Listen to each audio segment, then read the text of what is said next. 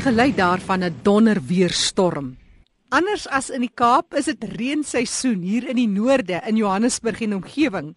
Ek gesels nou met Jan Vermeulen na aanleiding van 'n luisteraars navraag. Jan is 'n meester in weerkunde. Hy het sy meestersgraad seker aan die Universiteit van Pretoria verwerf, Jan. Dit is korrek, Jackie. Nou as 'n mens praat van die somerreënvalstreke en ons praat nou spesifiek van hier wat ons ervaar in die noorde, gaan dit gepaard met erge donderstorms. Hoewel daar tog ook in die suidwestelike dele van die land donderstorms ervaar word, voel dit net of dit soveel meer intens is hier in die noordelike deel van Suid-Afrika. Wat presies is die verskille en hoekom gebeur dit so, Jan?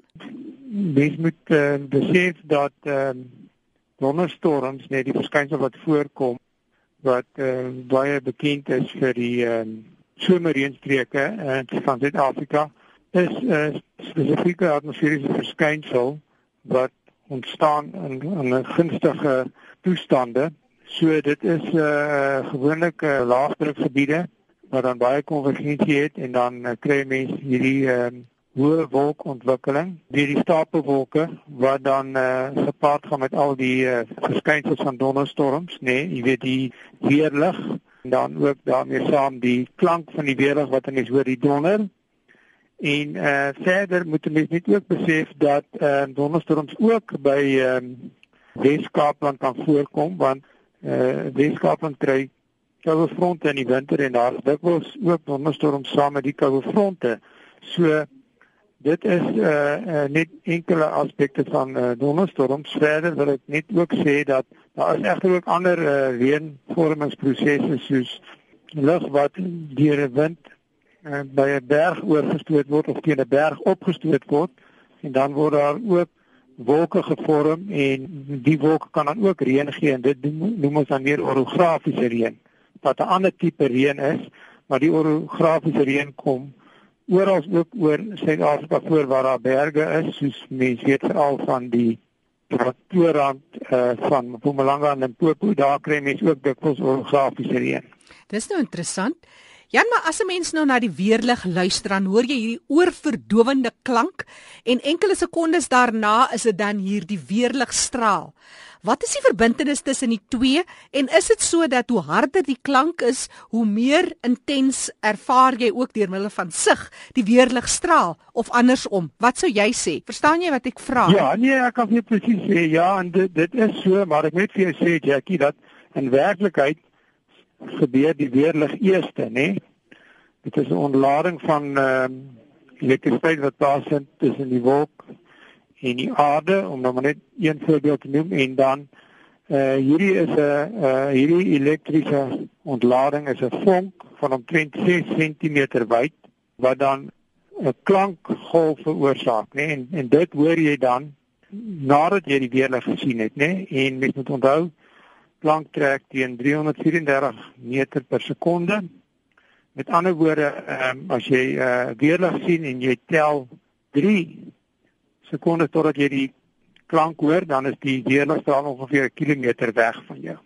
Is dit dan as gevolg van hierdie ontsettende impak wat ons die die klank hoor? Ehm um, die klank is net die kyk die die weerligstraal, dit is 'n 'n vonk, né? Nee, ja. Van omtrent 6 cm wyd wat 'n uh, geweldige verhitting veroorsaak van die wel die die atmosfeer waar hy plaasvind en daai verhitting is veroorsaak dan hierdie uh, so tipe van ontploffing en dan hoor ons die klank daarvan met ons ore. Mm. En diere ervaar dit nog erger. Dit is korrek. Uh ja, diere raak gewoonlik uh, honde veral raak gewoonlik onrustig voor mense want hulle hoor dit voor ons het hoor. En as ons nou praat van die weer en jy is nou by die Suid-Afrikaanse Weerdiens in Johannesburg reën dit al die afgelope week. Julle het mos nou sulke uh, bepalinge. Hoe lyk dit Kersfees hier in die noorde teenoor die suide se Kersfees? Ja, Jackie, ja, se seisoensvoorspellings uh, is beskikbaar en um, op, op hierdie stadium het ons seisoensvoorspellers gesê hulle verwag uh, vir die vroeë somer goeie reëntoestande hier oor die uh, noordoostelike gebiede van Suid-Afrika maar dit lyk asof uh, in die somer en die uh, laat somer ons uh, droë toestande gaan hê as gevolg van die El Niño verskynsel.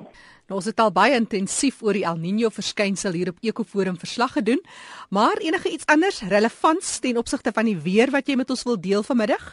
Enige iets wat ja, al al ander wat nou relevant is, nee, is November maand is die piekseisoen vir ewige donderstorms hier um, in die noorde en die ooste van die land. So hier na Desember gaan dit 'n bietjie beter gaan. Ja, korrek. Dis Jan Vermeulen wat so 'n bietjie vir ons lig werp op die saak en ek moet sê sy lig het met 'n weerligstraal gekom. Hy's verbonde aan die Suid-Afrikaanse Weerdienste kantoor. Jan, baie dankie vir jou inligting en mense kan julle webtuiste besoek vir enige ander insette en interessanthede. Ja, dit is korrek, Jackie. weathersa.co.za. Daar sê, dis www.weathersa.co.za.